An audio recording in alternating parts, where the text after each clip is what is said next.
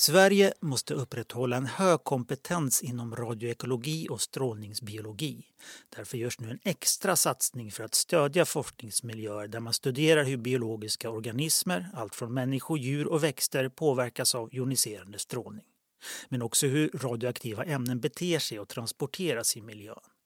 Ja, det här är bara ett av de många områden som Strålsäkerhetsmyndigheten finansierar forskning inom. Och I det här avsnittet får ni höra vilka de andra områdena är och hur vi avgör vilka forskningsprojekt som ska få ta del av anslagen. Och med oss för att berätta om den här satsningen på radioekologi och strålningsbiologi men också annan forskning som myndigheten finansierar har vi Per Sältborg, forskningschef på Strålsäkerhetsmyndigheten. Välkommen till Strålsäkert Per! Eh, tack Pelle, tack så mycket! Och så här i coronatider har vi valt att göra den här intervjun på distans via dator, men vi hoppas att ljudet ändå ska vara helt okej. Okay. Ja, det är alltså fem projekt inom strålningsbiologi och radioekologi som kommer få stöd i minst två år. Kan du berätta om dem? Ja, vi har bland annat haft en utlysning inom radioekologi som sagt med syfte att stödja framtidens forskningsledare. Det är ett litet nytt grepp att vi riktar oss till yngre forskare. Eh, och här ska då fem stycken utvalda forskare få dela på 5 miljoner kronor var, fördelat på två år. Och det här är då för att stärka den yngre generationens framstående forskare inom, ett, eh, inom det här området som vi bedömer är då samhällskritiskt och sårbart. Och varför är det viktigt att stödja just det här området? Ja, både radioekologi och strålningsbiologi som du nämner då, har inom ramen för ett regeringsuppdrag om nationell kompetensförsörjning som vi genomförde för två år sedan ungefär har de områdena identifierats som både samhällskritiskt och sårbart. Och med samhällskritiskt så menas att det är ett område som är absolut nödvändigt för strålsäkerheten i Sverige, att det finns kunskap och kompetens tillgängligt i landet, både på kort och på lång sikt. Och med sårbart så menar vi att finansieringen är knapp inom de här forskningsområdena och forskargrupperna är relativt få och små och ibland lite på gränsen till underkritiska. Mm, ganska få som sysslar med det här alltså. Men vad beror det på att de halkat efter jämfört med, med andra områden?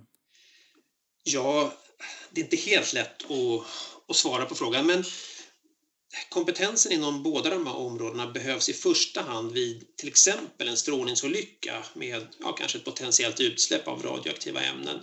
Men det efterfrågas inte direkt i vardagliga sammanhang och för mer kortsiktiga intressen.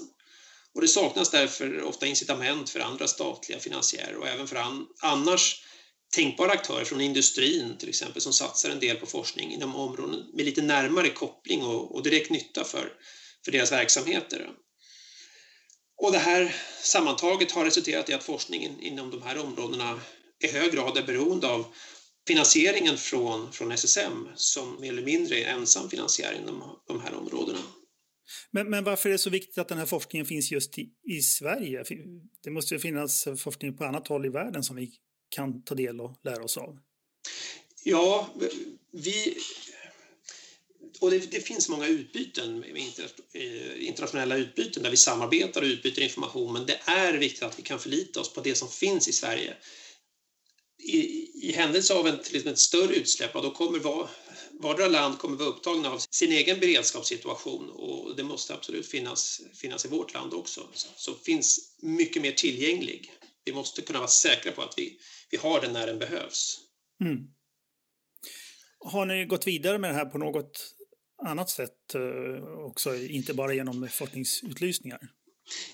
Ja, vi har ju bland annat gjort ett, eh, redovisat ett regeringsuppdrag ganska nyligen som lämnades in i februari tidigare år.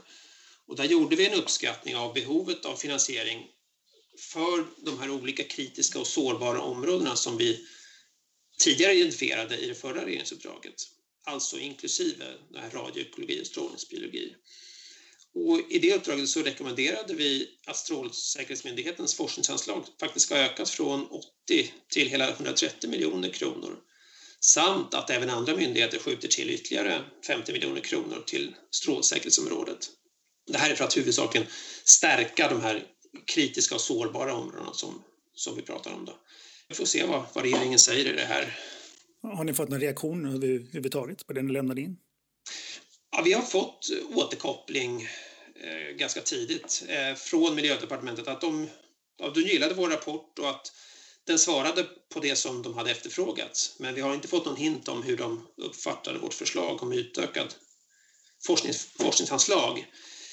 Och sedan vi lämnar in det här uppdraget så har ju också förutsättningarna möjligtvis förändrats i och med, med corona. Så att vi vet inte så mycket om vad, vad vi kan vänta oss egentligen. Nej, okej, okay, intressant. Vi får återkomma till det. Och vi ska återkomma till, till dig också Per lite senare. Men nu ska vi bredda frågan lite grann så att den handlar om forskning inom strålsäkerhet mer generellt. Vi ska lyssna lite på det panelsamtal som vi höll under de nationella strålsäkerhetsdagarna i november 2019. I samband med det kan vi också berätta att årets konferens på grund av coronasituationen blir framflyttad till den 16 februari 2021 som det ser ut nu.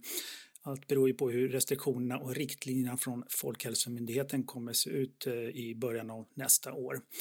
Men tillbaka till konferensen 2019. Panelen bestod då av Christian Ekberg, professor i kärnkemi på Chalmers, Monica Adsten, områdesansvarig eh, för kärnkraft på Energiforsk, Eva Forsell Aronsson som är professor i radiofysik på Göteborgs universitet och du själv då Per Seltborg var ju också med. Och den fråga som ni svarar på här först är vilka forskningsbehov som ni ser när, eh, generellt sett när det gäller strålsäkerhet. Och det är Monica Adsten på Energiforsk som vi hör först. Jag tänker det är jättemycket som vi behöver jobba på. Men om man ska, ska nämna några korta så två saker är ju liksom väldigt svåra att byta i ett kärnkraftverk. Och det är inneslutningen och reaktortanken. De lyfter jag gärna. Hur menar du då att uh, lyfter de befolkningsbehov för att se att de håller så lång tid som möjligt? Eller hur menar du? Ja, att, att uh, jobba med att titta på hur ser det ut med precis det som Per nämnde med termisk åldring, strålningspåverkad åldring. Mm.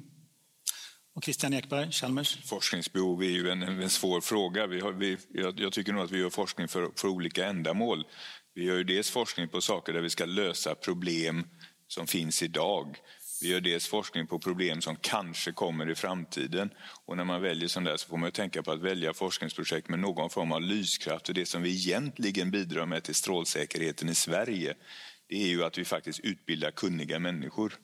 Det är det som är den absoluta största effekten av vår forskning. Vad de enskilda forskningsprojekten gör nu ska man naturligtvis inte säga som professor, men det kanske är av lite underordnad betydelse, de exakta resultaten. Vetenskapligt kan det vara intressant, men för samhället i direkt tillämpning kan de vara begränsade. Men de personerna som kommer ut som har sysslat med detta och som har en grundläggande och djup förståelse för ämnet, de bidrar till samhället på ett betydligt djupare sätt. Mm. Men kan du ändå peka ut något område där du tycker att här måste vi ta reda på mer om? Alla mina områden naturligtvis. Men eh, det vad jag känner själv just nu är ju hela den här frågan som du var uppe med också med radonfrågor. Alltså radon är ju inte någonting som kommer trillande av sig själv utan det kommer ju från att det ligger uran och radium i närheten.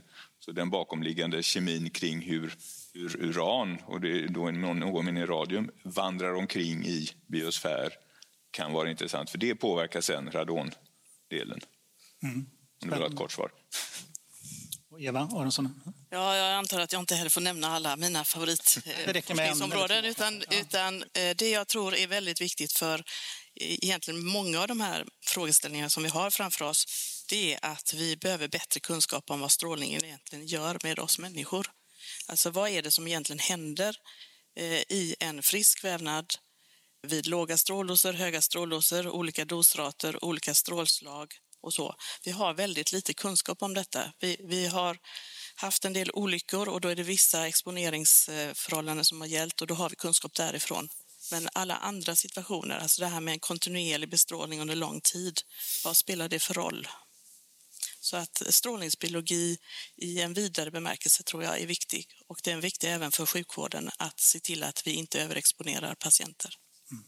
Och Per Sältborg, vad ser du för luckor som inte täcks riktigt av den forskning som, som myndigheten finansierar.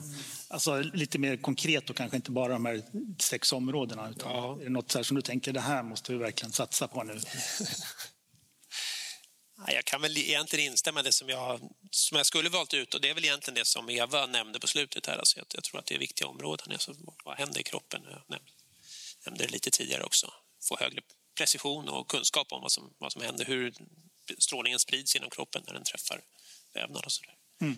Sen skulle, annars om jag fortsätter så skulle jag nog hamna i de här sex områdena igen och har redan dragit lite grann. Ja, jag förstår. Mm. Det var inte direkt några konkreta, men det, men det, det finns många.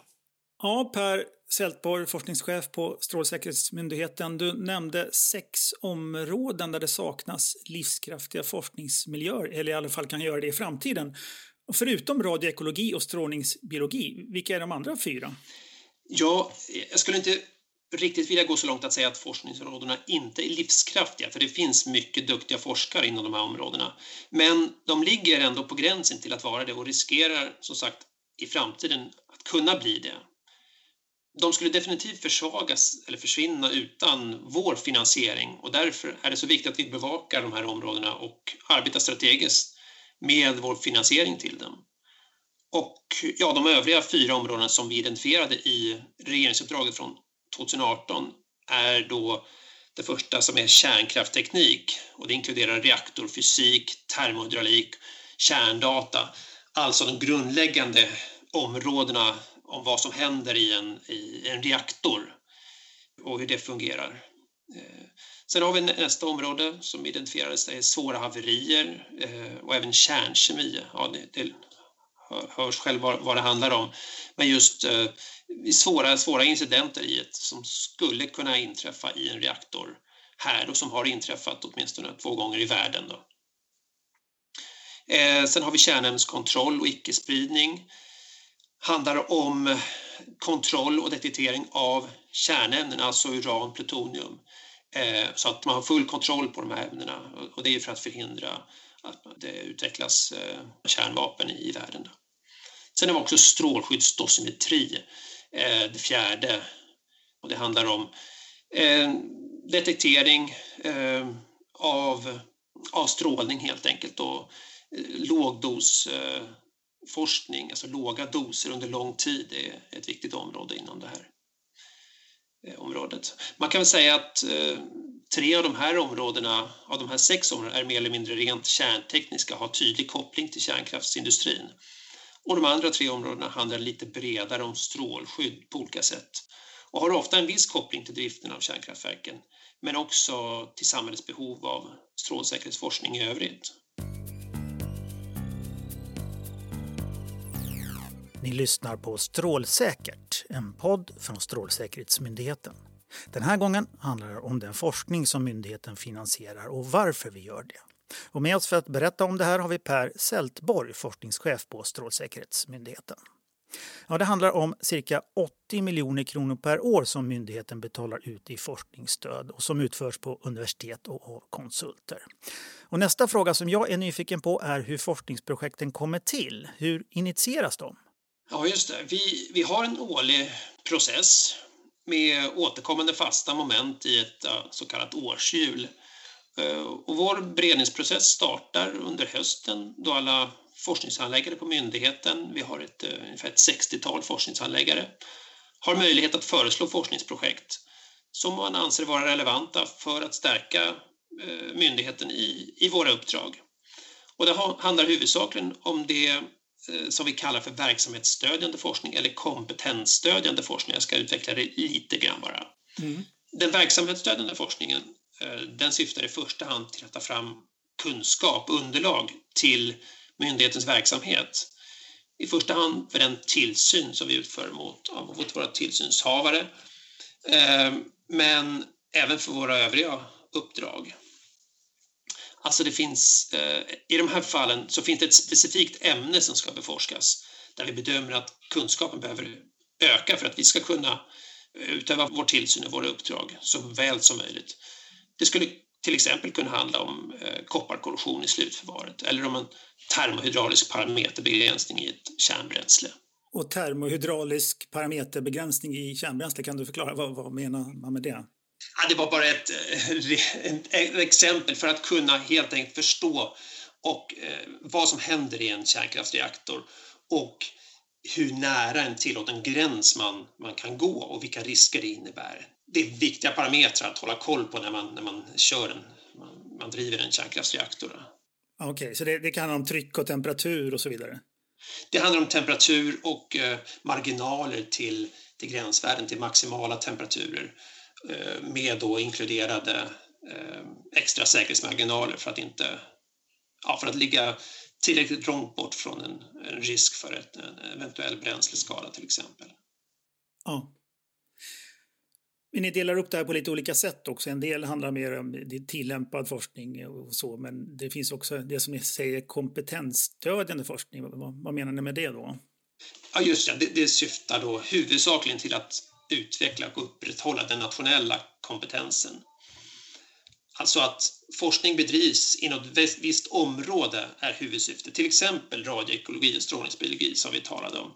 Och, här har vi då mindre synpunkter på exakt vad som beforskas, vilka parametrar eller vilka förlopp som, som forskas, utan det är att forskningen bedrivs inom de här områdena som är det viktiga. Eh, och såklart finns det alltid ett visst överlapp mellan de här två områdena. Den verksamhetsstödjande forskningen stärker ju i de allra flesta fall den nationella kompetensen också. Och den kompetensstödjande forskningen bidrar ju i de allra flesta fallen till kunskap som ja, förr eller senare kommer till nytta inom vår, vår verksamhet och vår tillsyn. Okej, okay. och, och, hur avgör ni vilka projekt som, som då får stöd i slutändan?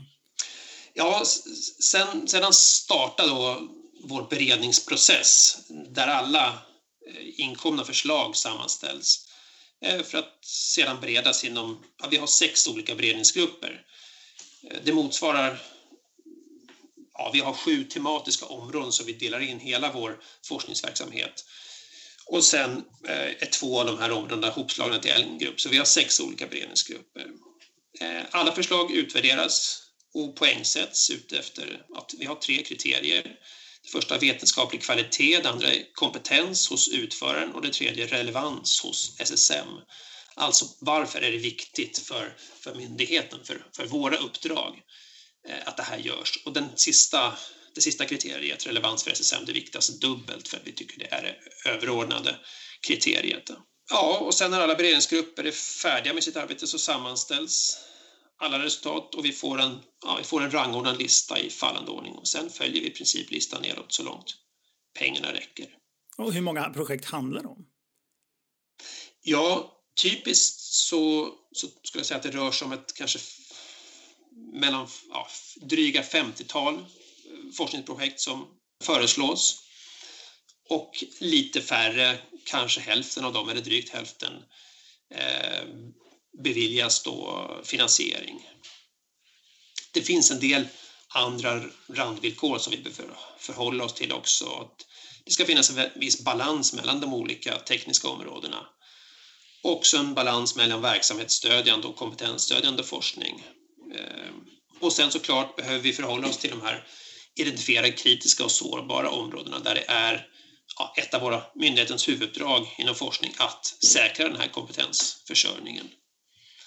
Sen har vi också fördelning mellan kärnteknisk forskning och icke kärnteknisk forskning. Och det har att göra med finansieringskällorna. Eh, och vårt forskningsanslag kommer ju från både från kärnkraftsindustrin via deras forskningsavgift och sen via skattemedel. Och det styr eh, också hur den här finansieringen ska fördelas mellan kärnteknisk forskning och forskning som för samhällets behov i, i övrigt. Så betyder det att när kärnkraftsreaktorer läggs ner kommer det in mindre pengar till forskning då också? Eh, det skulle det kunna göra på sikt, men eh, i nuläget så har eh, i och med de reaktorer som avvecklas eller stängts ner de senaste åren så har den totala forskningsavgiften bibehållits så att varje reaktor har fått betala lite mer. Så att totala forskningsavgiften från tillståndshavarna har varit densamma och är fortfarande det. Och det har alltså inte heller påverkat vårt forskningsanslag. Nej, Okej, okay. och vet ni någonting om hur det kommer bli framåt där om flera reaktorer skulle stängas ner?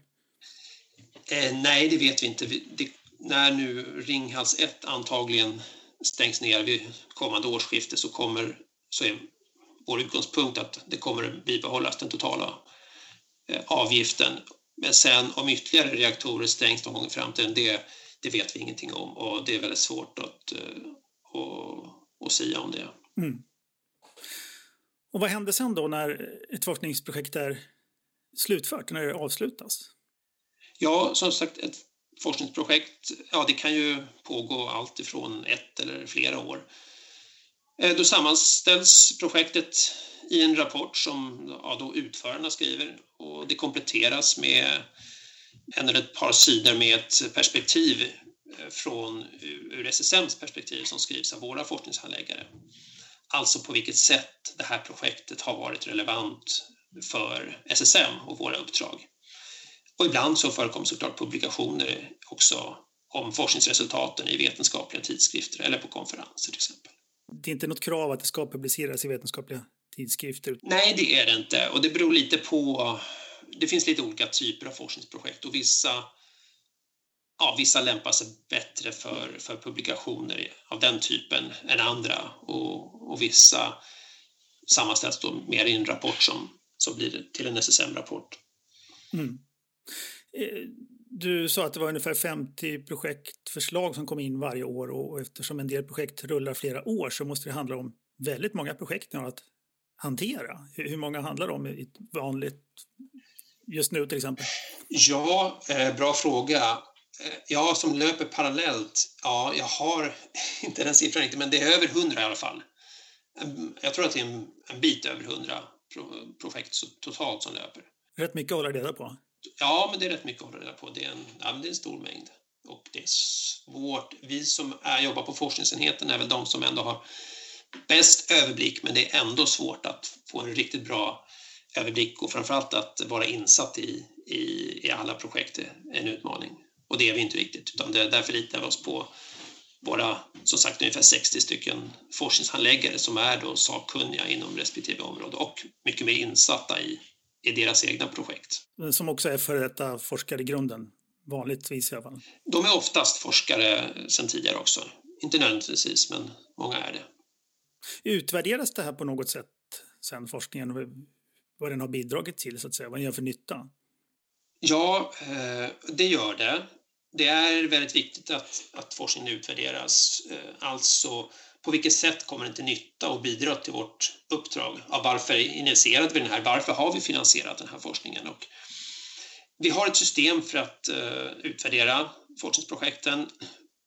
Vi skulle dock vilja utveckla det och vi, vi, vi håller på med det eh, för att göra den mer lättillgänglig, lättare att presentera, lättare att kommunicera till andra intressenter, både inom myndigheten men också utanför. Så, att, så att det, är ett, eh, det är en strävan vi har att, att förbättra det här eh, utvärderingen och på vilket sätt det kommer till nytta. Sagt. Ja, och en förutsättning för att de här forskningsprojekten överhuvudtaget ska komma i fråga är väl också att de utförs med vetenskapliga metoder.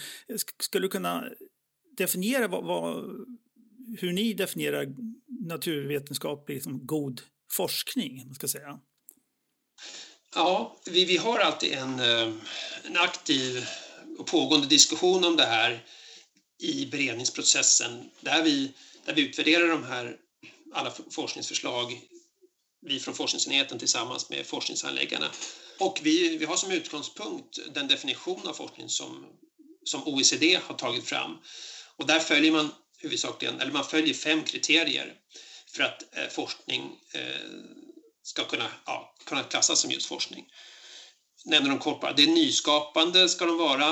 Eh, det handlar om att ta fram ny kunskap och det här ska inte förväxlas med till exempel att utveckla en ny produkt eller process. Nästa kriterium handlar om att den ska vara kreativ. Alltså det måste vara innovativt och baseras till åtminstone viss del på nya idéer eller koncept. Alltså det får inte handla om allt för rutinmässiga förbättringar. Sen ska den vara oförutsägbar. Resultatet ska vara alltså oförutsägbart och även arbetet fram till ett resultat. Det ska alltså finnas en risk att man faktiskt inte når det förväntade eller önskade resultatet. Det kanske kan upplevas som ett misslyckande i de här fallen, men även ett annat resultat eller ett icke-resultat kan innehålla ny kunskap och kanske, kanske eliminering av ett antal hypoteser. Och det i sin tur kan vara utgångspunkten för ett, för ett nytt spår, ett nytt forskningsprojekt. Ja, och det fjärde kriteriet är att den ska vara metodisk, Eh, forskningen måste alltid genomföras på ett eh, systematiskt sätt, alltså att på något sätt att, att informationen samlas in, registreras och utvärderas och att slutsatser dras och alltid dokumenteras. Det femte och sista kriteriet är att den ska vara reproducerbar. Eh, ett experiment eller en forskningsstudie ska gå att reproducera och för att det ska vara möjligt måste all nödvändig information finnas dokumenterad. Och reproducera, du menar alltså att det ska gå att upprepa med samma resultat? Det ska gå att upprepa, det ska gå att göra om samma experiment och förhoppningsvis då få samma resultat. Och gärna om det här görs av en annan forskargrupp, eller till exempel med annan utrustning. Och först när det här är gjort med till, tillräcklig tillförlitlighet så kan resultaten börjar anses vara allmängiltiga. Och det här, hela den här fortlöpande systematiken är ju det som är styrkan med vetenskap. Eh, att den granskas och testas och diskuteras och vidareutvecklas. Och ibland tas några steg framåt och ibland några steg bakåt men den totala kunskapsbasen ökar hela tiden i och med all forskning som, som hela tiden bygger på kunskapsbasen. Och, och ni har delat upp de här forskningsområdena i, i sju olika grupper. Kan du berätta vilka grupper det handlar om? Ja, eh, som sagt sju olika tematiska områden som vi kallar för temaområden.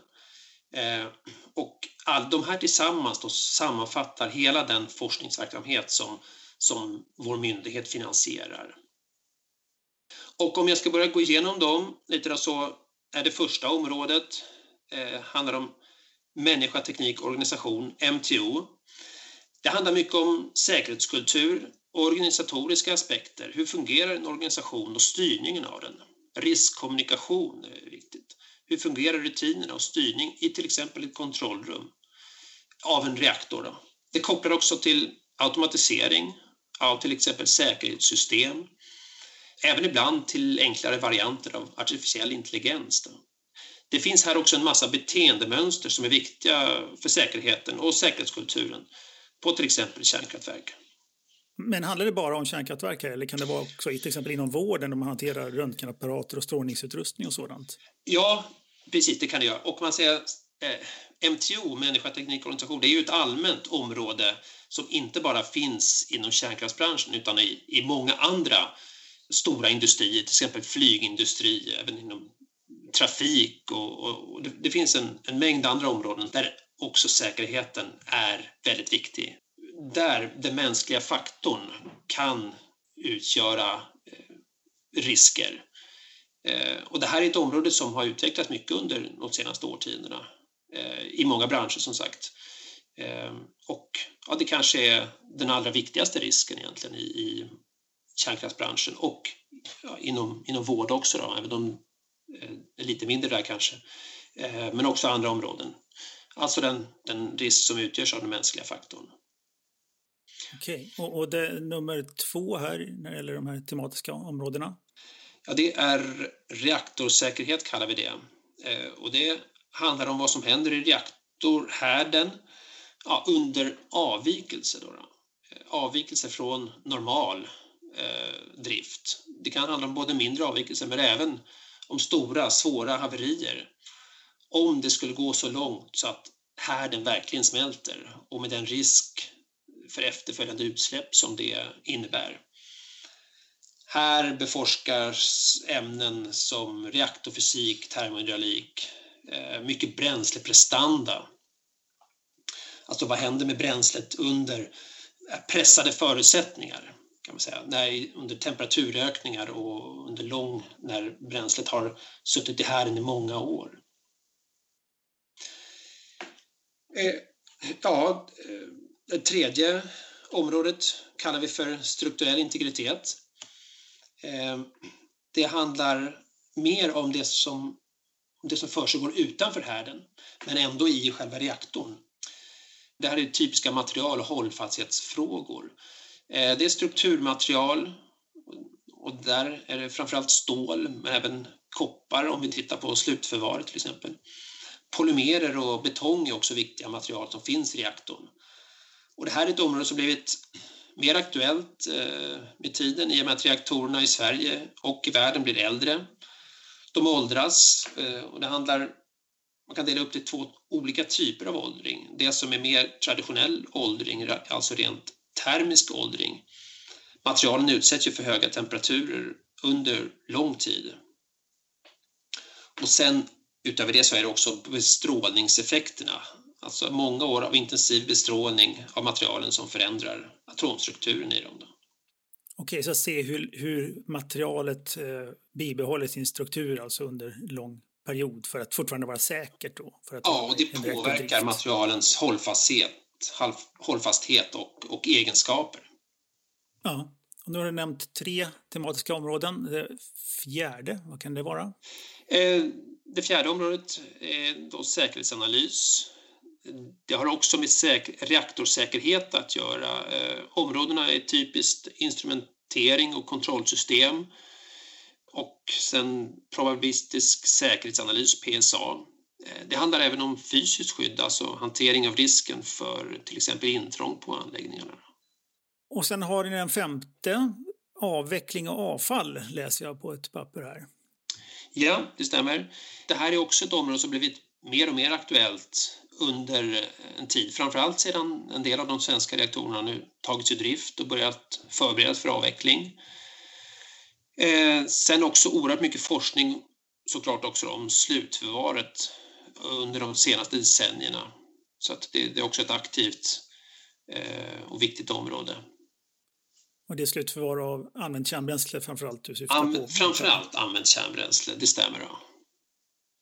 Om bentonitleran och kopparkapslarna eh, och berggrunden kan man säga huvudområdena inom det området. Mm. Så kommer vi till det sjätte området. Det sjätte det är då mätteknik. Eh, det handlar om mätmetoder eh, både för att detektera strålning ifall det skulle ske ett utsläpp till exempel eller att en strålkälla, det skulle kunna vara från sjukvården, skulle komma på vift så behöver man metoder för att kunna detektera det här. Det handlar också om detektering av kärnbränsle och det är det som brukar kallas för icke-spridning eller safeguards då, som ska säkerställa att inte kärnmaterial som man då kan tillverka, antingen kärnbränsle eller kärnvapen, eh, kommer på vift. Och det är framförallt för att hindra då tillverkning av kärnvapen som det här området är så viktigt. Och det sista området som jag har förstått är rätt stort, strålskydd. Ja, eh, och det här som sagt som du nämnde, det är ett brett område, innefattar egentligen väldigt mycket olika typer av forskning. Det mesta som handlar om strålskydd egentligen. Det inkluderar till exempel de här två områdena som vi har pratat om tidigare, strålningsbiologi och radioekologi. Även medicinska bestrålningar som har ett mycket utbrett användningsområde inom sjukvården där man hanterar till exempel acceleratorer som skjuter både fotoner och protoner och en del andra partiklar mot tumörer i kroppen för att behandla dem.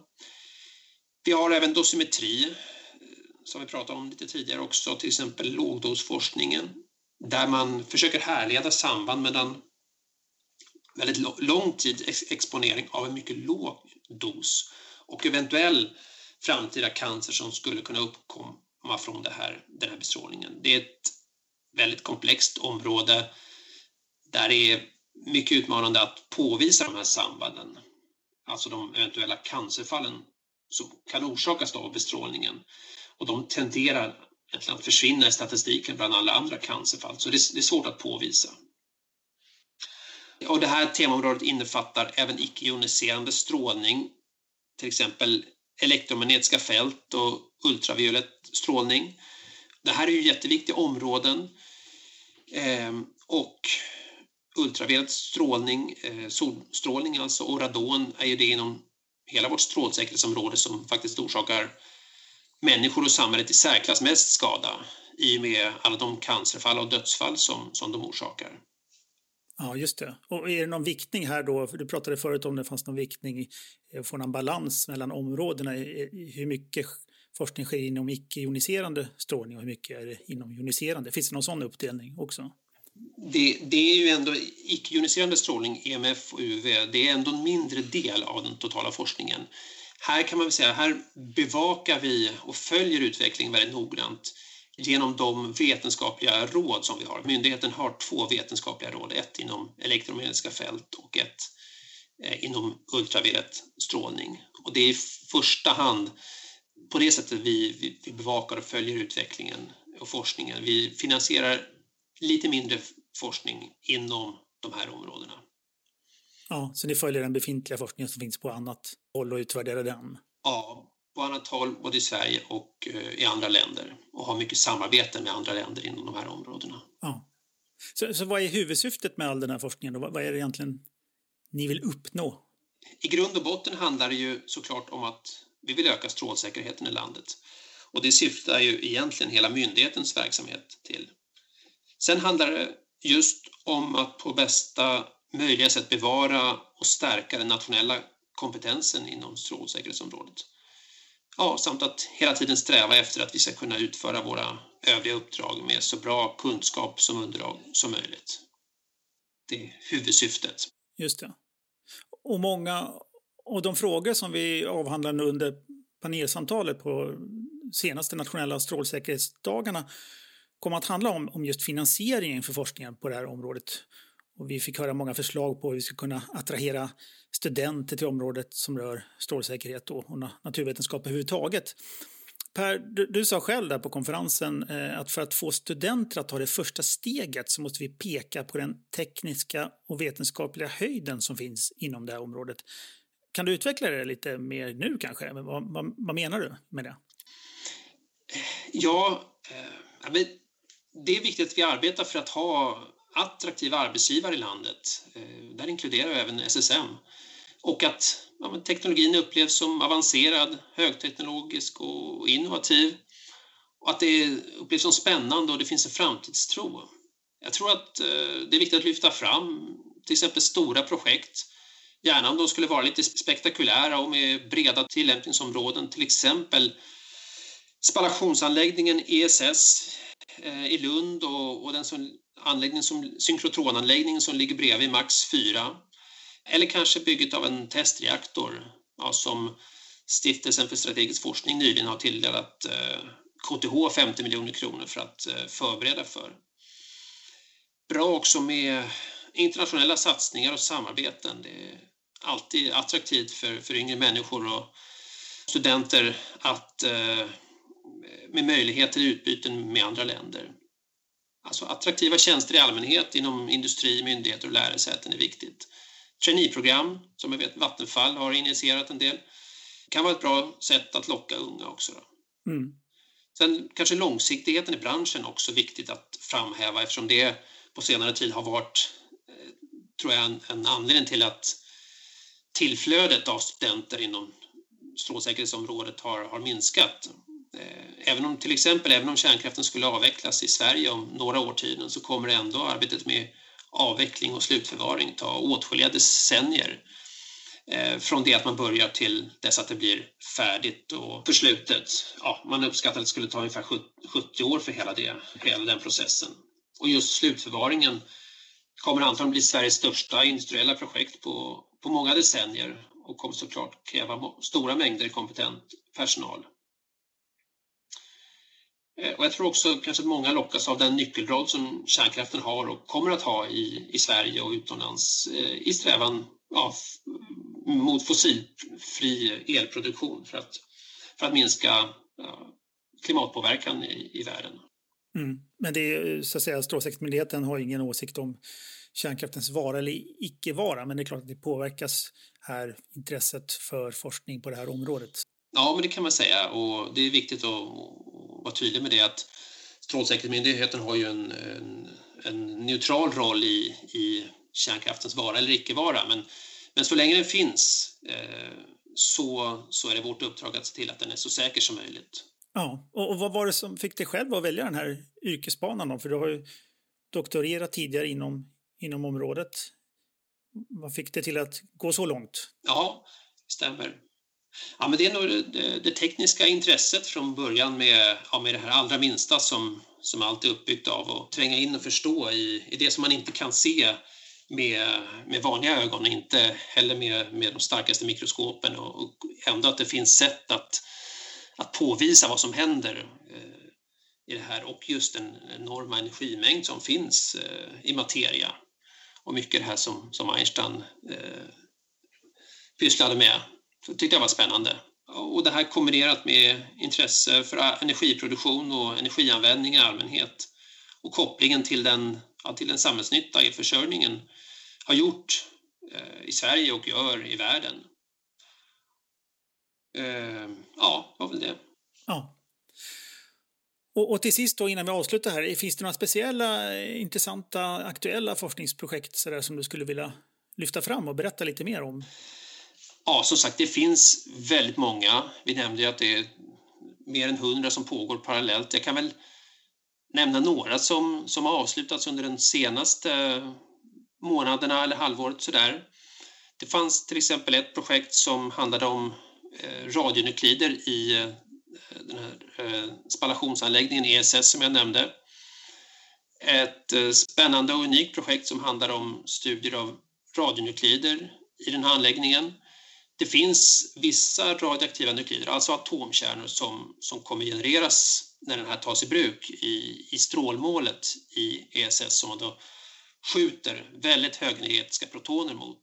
Och de här nukliderna är relativt nya och okända i världen. De förekommer såklart inte naturligt på jorden men inte heller i kärnkraftverk eller medicinska acceleratorer. Och de här nukliderna har man studerat för att, ja, för att förstå dem bättre och med vilka metoder man bäst skulle kunna detektera dem.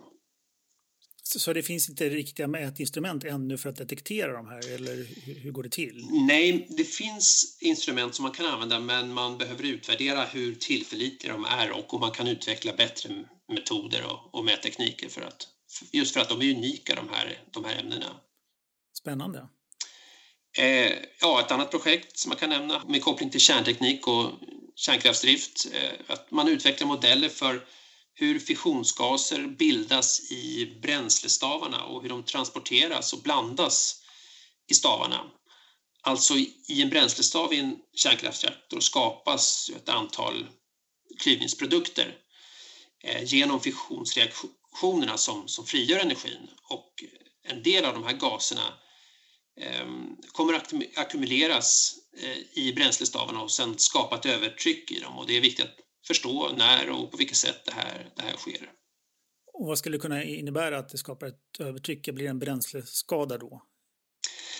Det finns ju en potentiell risk för det och det är viktigt att eh, känna till eh, vilka marginaler man har till det och, och vilka problem det, det, kan ge upphov till. Det, det skulle i princip kunna resultera, till, eh, resultera i en bränsleskada om man inte har koll på när det här sker, om man, man, man skapar ett för högt tryck till exempel.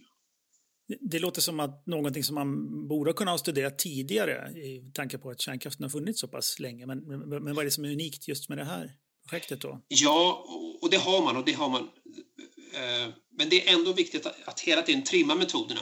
Eh, det handlar om att både två målsättningar egentligen. Dels att hela tiden öka säkerheten lite grann, men också kanske att kunna utnyttja marginalerna så mycket som möjligt. Ju bättre man känner till de faktiska fysikaliska fenomenen, desto, desto närmare den verkliga gränsen kan man ligga samtidigt som man faktiskt också ökar säkerheten. Så det handlar om en optimering egentligen. Ju mer man känner till fenomenen, desto säkrare och mer optimalt kan man, kan man köra driften. Okej, så man kan få ut mer energi då också?